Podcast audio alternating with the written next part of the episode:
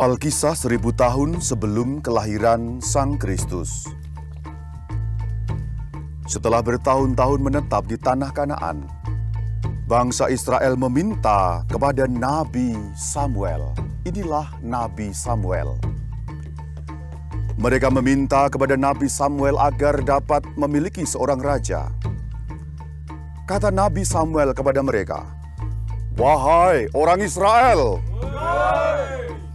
marilah kita memperbaharui jabatan raja."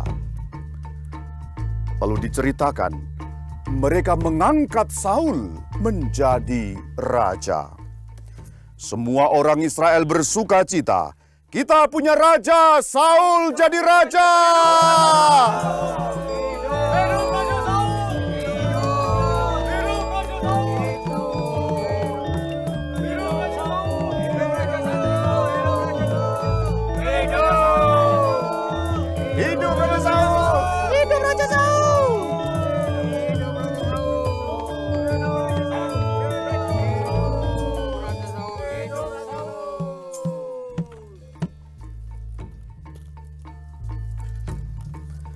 Saul menjadi raja atas orang Israel.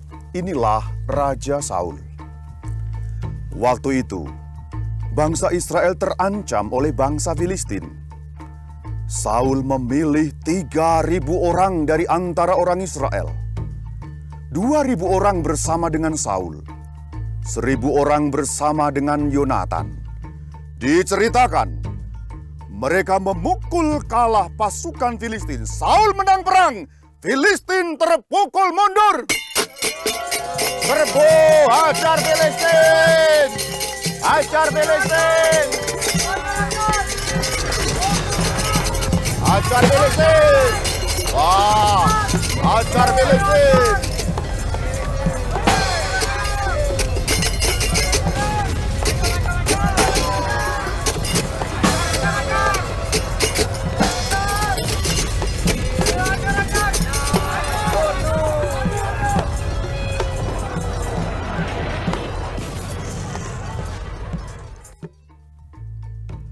Selanjutnya bangsa Filistin mengumpulkan kembali tentaranya untuk berperang. Saul dan bangsa Israel berkumpul mengatur barisan perangnya berhadapan dengan orang Filistin. Orang Filistin berdiri di bukit sebelah sini dan orang Israel berdiri di bukit sebelah sana. Ada lembah di antara mereka. Kemudian tampillah seorang pendekar kekar dari kalangan orang Filistin. Namanya Goliat. Tingginya enam hasta. Melihat Goliat yang mengerikan, Israel mundur ketakutan. Wah! Wah, lari! Hehehe,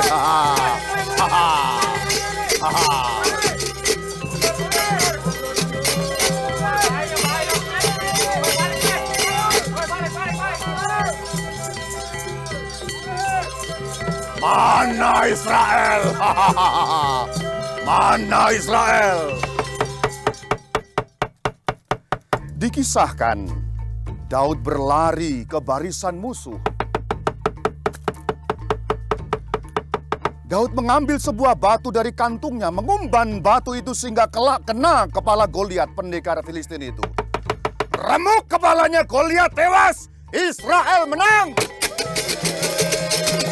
Mana orang Israel? Haha. Terimalah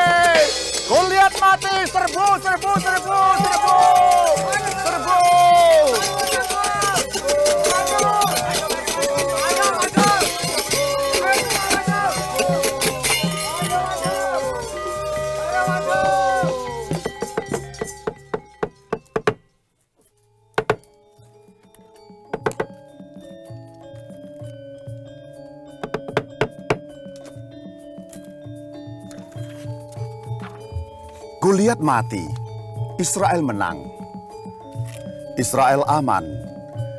Daud menjadi raja menggantikan Saul. Inilah Daud. Kerajaan Israel makin kuat dan makin luas. Selanjutnya Salomo bin Daud menggantikan ayahnya naik tahta. Inilah Salomo. Salomo raja yang paling bijaksana. Sayang seribu sayang. Rebutan kuasa melanda siapa saja. Umat Tuhan tidak bertahan karena mereka saling mengalahkan, mau menang sendiri. Setelah Salomo meninggal, kerajaan Israel berantakan, pemberontakan dan pengkhianatan, peperangan dan saling rebut kekuasaan. Keadaan makin kacau, kerajaan pecah dua. Bunuh, bunuh, bunuh. Ajar, ajar, ajar. Bunuh, bunuh, bunuh, bunuh. Ajar, ajar, ajar. Bunuh, bunuh, bunuh. Woi.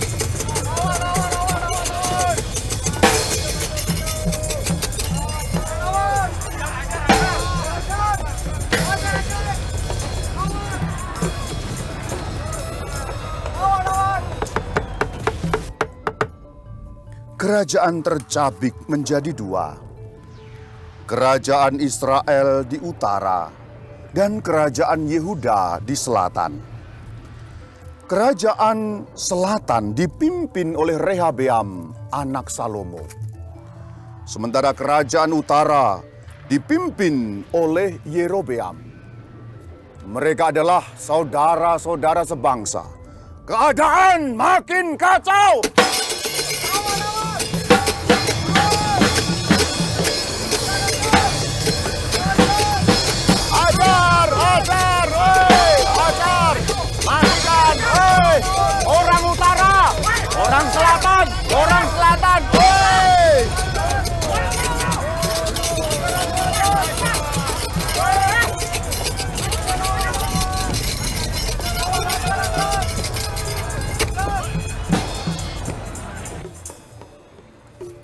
Inilah Yerobeam, Raja Negeri Utara. Bahaya kalau orang-orang kembali kepada keluarga Daud.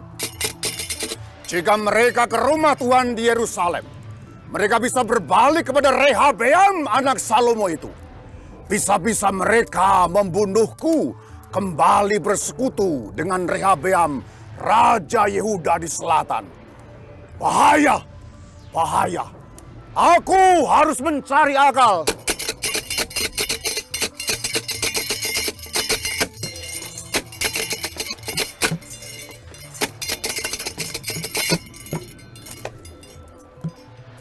Diceritakan, setelah menimbang-nimbang, Raja Yerobeam di kerajaan utara membuat dua anak lembu dari emas. Hai rakyat Israel! Rakyat Israel! Sudah cukup kalian pergi ke Yerusalem. Jangan lagi pergi ke sana.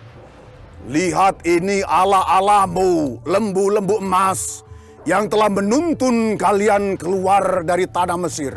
Rakyat di belakangku mana ini? Jangan lagi beribadah di Yerusalem. Kita sudah punya tempat ibadat sendiri di sini.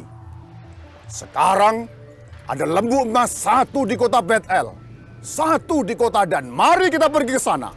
Jauhi Yerusalem, jauhi Yerusalem. Sembah lembu emas, sembah lembu emas.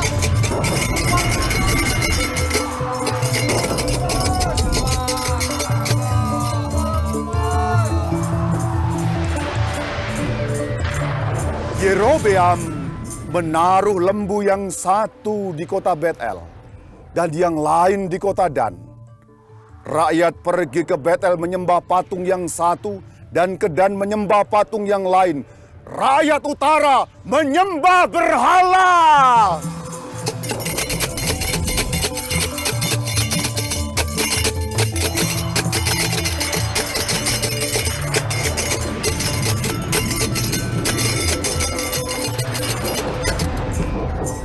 Raja Utara juga membuat kuil-kuil di atas bukit kurban. Ia mengangkat imam-imam yang bukan dari golongan suku Lewi, tapi dari rakyat biasa. Kemudian Yerobeam menentukan hari raya sendiri. Ia bahkan naik ke tangga mesbah, mempersembahkan kurban kepada lembu-lembu emas buatannya. Rakyat negeri utara, rakyat kerajaan Israel di Samaria telah berbuat dosa serong dari hadapan Tuhan. Dosa, dosa, dosa, dosa, dosa.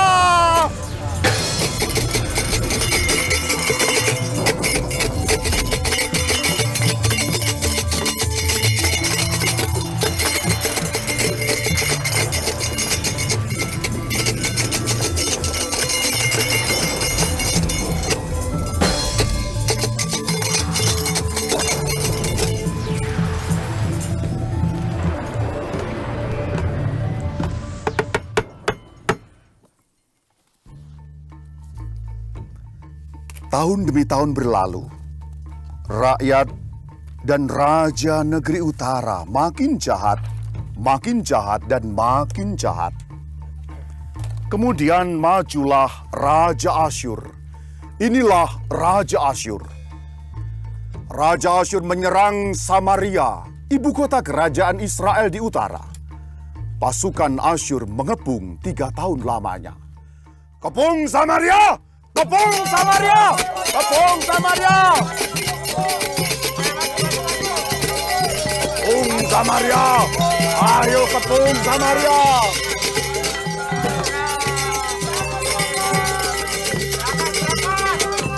Berangkat kepung Samaria! Ayo pasukan! Pasukan! Kepung pasukan! Kepung pasukan! Bagus pasukan! Barisnya sudah bagus. Tepung, tepung.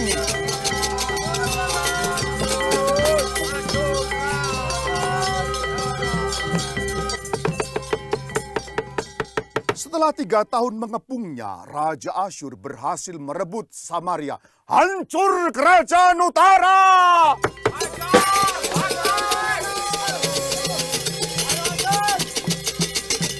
Hancurkan Samaria! Hancurkan!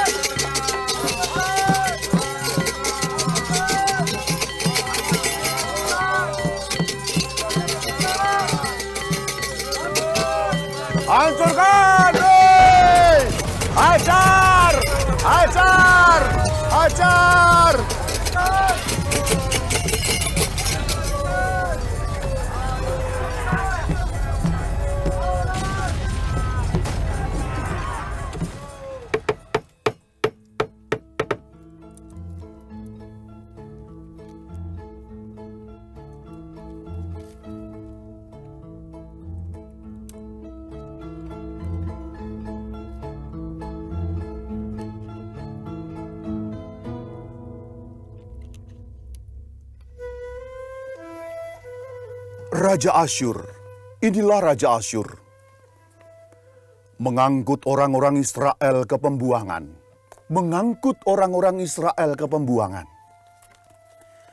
Mereka menyuruh orang-orang Israel tinggal di Halah.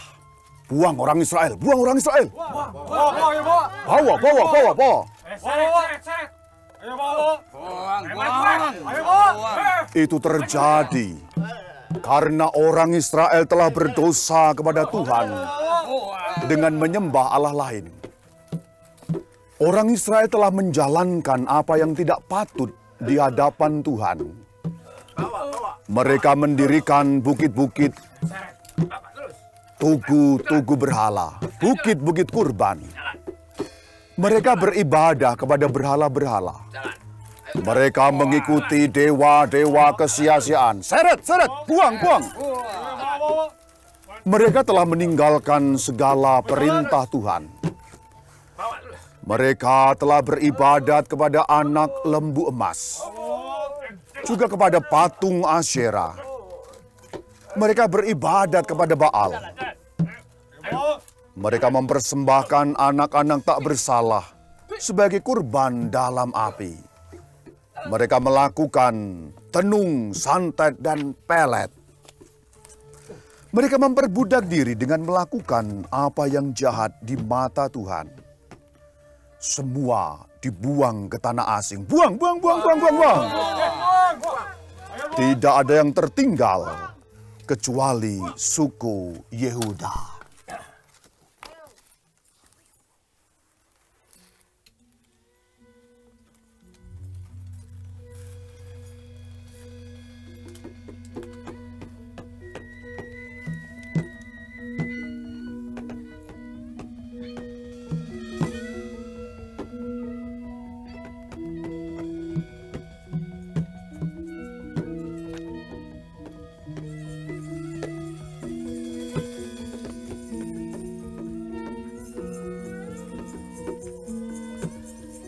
Sejak dibuang ke Asyur, rakyat kerajaan Israel di utara tak pernah kembali ke negeri mereka. Kerajaan utara punah selama-lamanya. Yang tertinggal hanya kerajaan Yehuda di selatan. Rakyat Yehuda melanjutkan identitas sebagai umat Tuhan. Beberapa abad setelah kehancuran negeri utara. Muncullah raja di negeri Babel Nebukadnezar namanya. Inilah Nebukadnezar.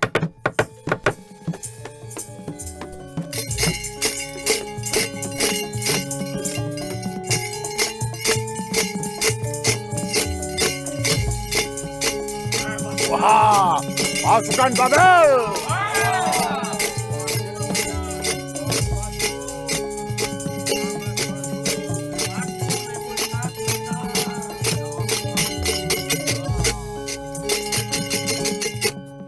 Wahai pasukan Babel! Wahai pasukan Babel! Hari ini kita akan menyerbu negara Mesir. Selanjutnya, kita hancurkan Syria dan Yehuda. Serbu!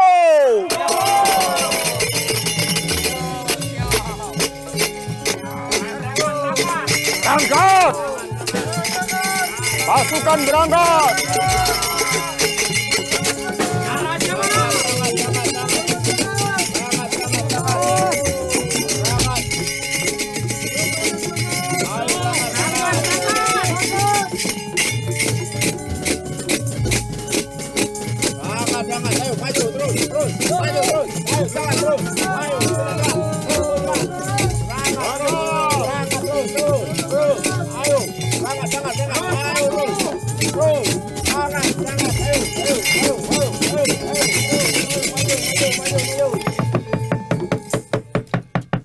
Terjadilah peperangan yang dahsyat Mesir kalah. Nebukadnezar menang perang.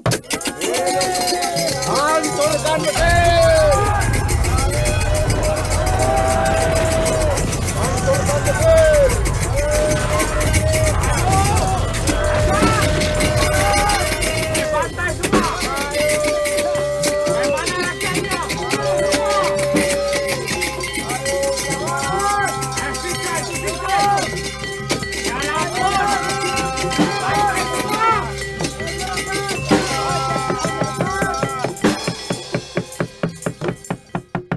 Nebukadnezar menguasai Mesir, Syria, dan Yehuda.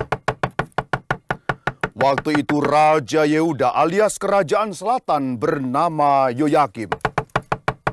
Inilah Yoyakim. Tiga tahun lamanya Yoyakim menyatakan tunduk kepada Babel. Namun lama-lama ia tidak tahan berada di bawah kekuasaan Babel. Yoyakim berencana melawan. Inilah Yoyakim!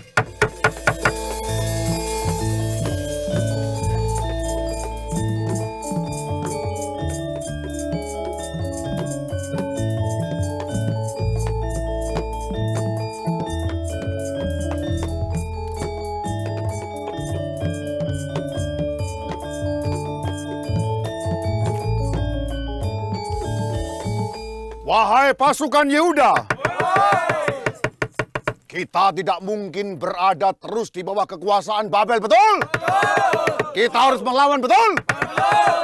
Kita lawan Babel. Hajar Babel! Hajar Babel! Hajar Babel! Hajar Babel! Hajar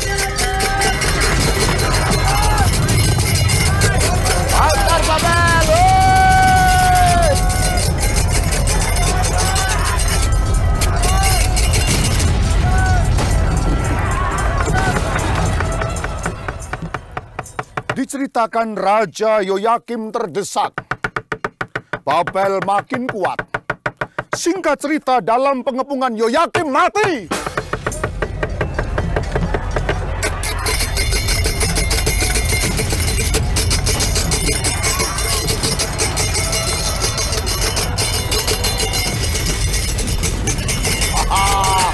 Yoyakim mutar. Eh, Wahai pasukan Babel, Rajamu Nebukadnezar tidak terkalahkan. Yoyakim telah mutar.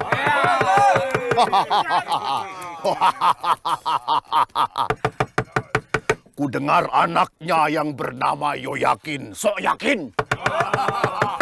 Naik tahta. Perketat pengepungan kota Yerusalem.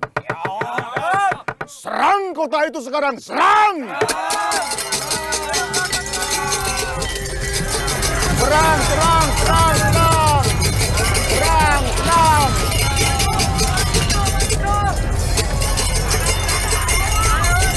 Serang, serang, serang. Serang, serang. Ayo. Ah, serang.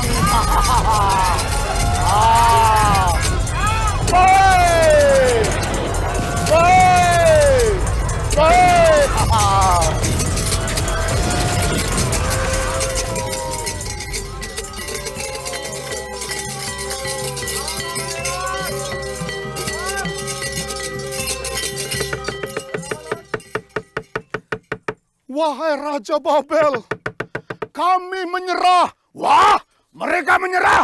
Tangkap Raja Yehuda.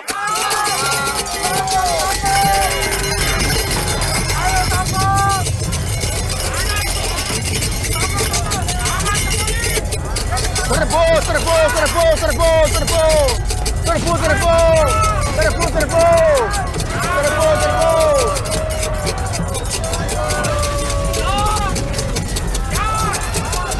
Raja Yehuda. Wahai! Wahai! Wahai! Wahai! Wahai! Ah, mati kau! Mati kau! Mati kau! Mati kau! Ah!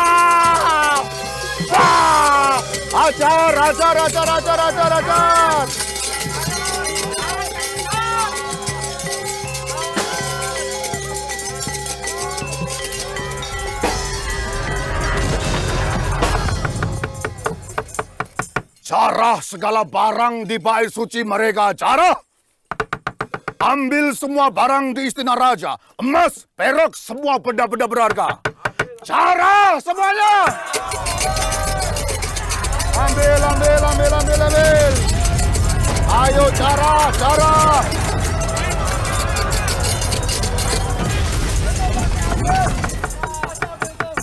Semua sudah kalian ambil? Angkut seluruh penduduk Yerusalem ke pembuangan. Semua panglima angkut. Semua pahlawan angkut. Yo yakin raja mereka buang ibunya, istrinya. Semua buang mereka semua.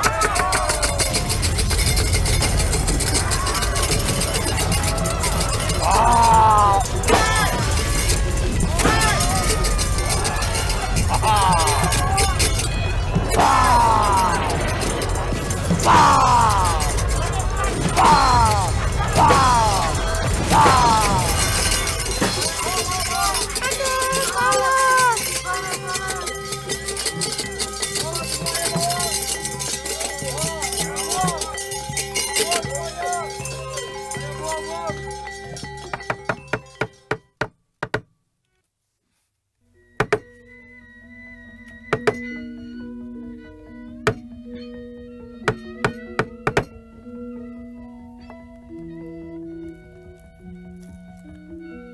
Kemudian Raja Babel, Nebukadnezar mengangkat matanya paman Yoyakin menjadi raja. Inilah matanya. Wah, kuangkat kau menjadi raja. Terima kasih Tuhan. Terima kasih Tuhan. Nama matanya diubah menjadi Sedekia. Inilah Sedekia alias matanya kerajaan Yehuda diambang kehancurannya. Dikisahkan Sedekia melakukan apa yang jahat di mata Tuhan, seperti yang dilakukan oleh Yoyakim. Wahai rakyatku, kita tidak mungkin terus-menerus berada di bawah kekuasaan Babel, betul? Kita harus apa? Kita harus apa? Kita harus berontak melawan Babel. Apakah kalian berani? Berani. Kalau begitu lawan Babel, lawan!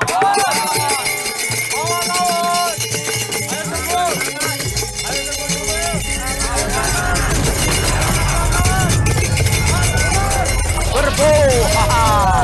Ajar Babel! Ajar Babel! Nebukadnezar! Ho, ho, ho!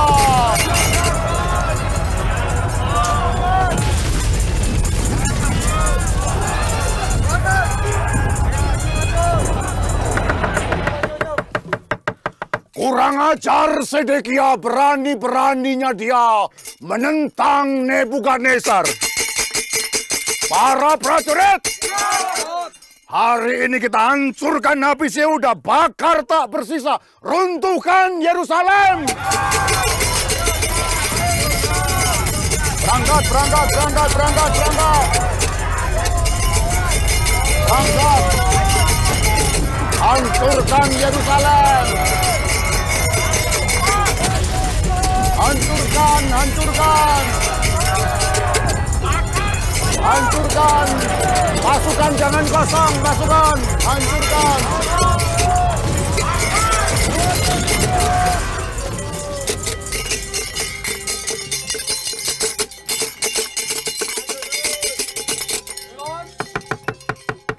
Diceritakan pasukan bala tentara Nebukadnezar membakar rumah Tuhan. Membakar rumah raja dan semua rumah di Yerusalem. Kota lulu lantak, Yerusalem jadi reruntuhan.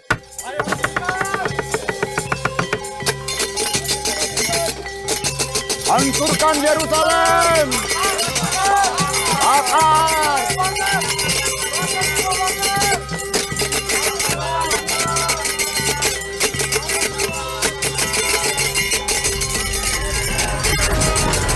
Bakar kota Yerusalem. Bakar kota Yerusalem.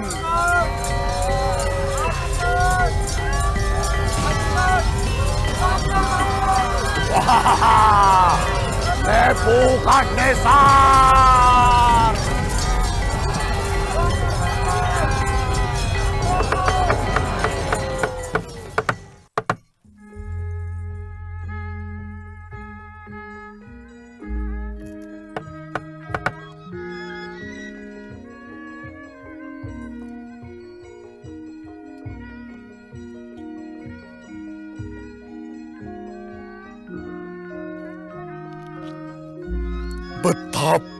Terpencil kota yang dahulu ramai.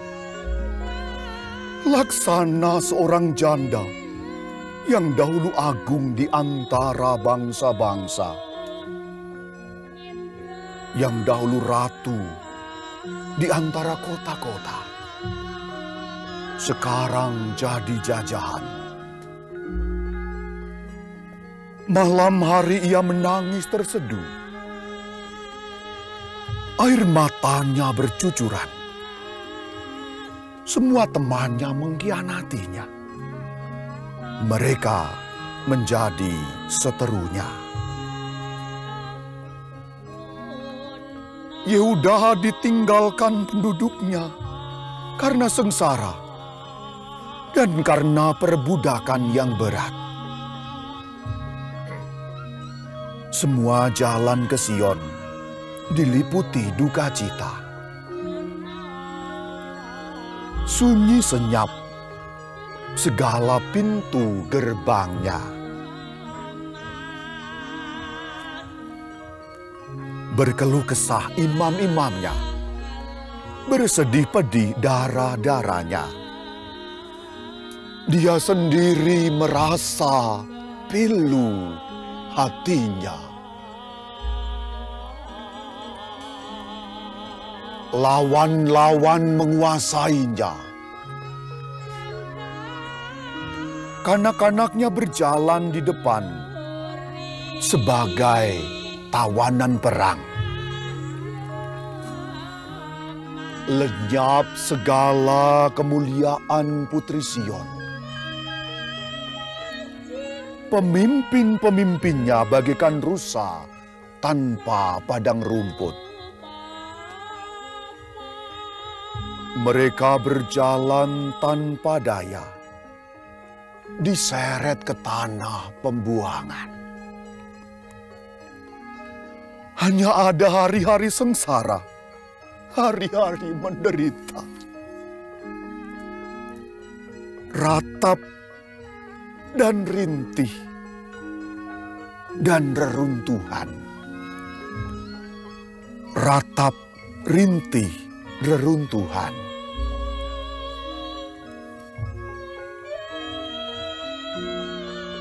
Di dalam kehancuran, di manakah Tuhan?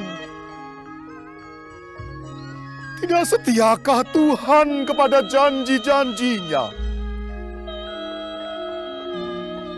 Ataukah kita yang sudah berkhianat kepada Tuhan?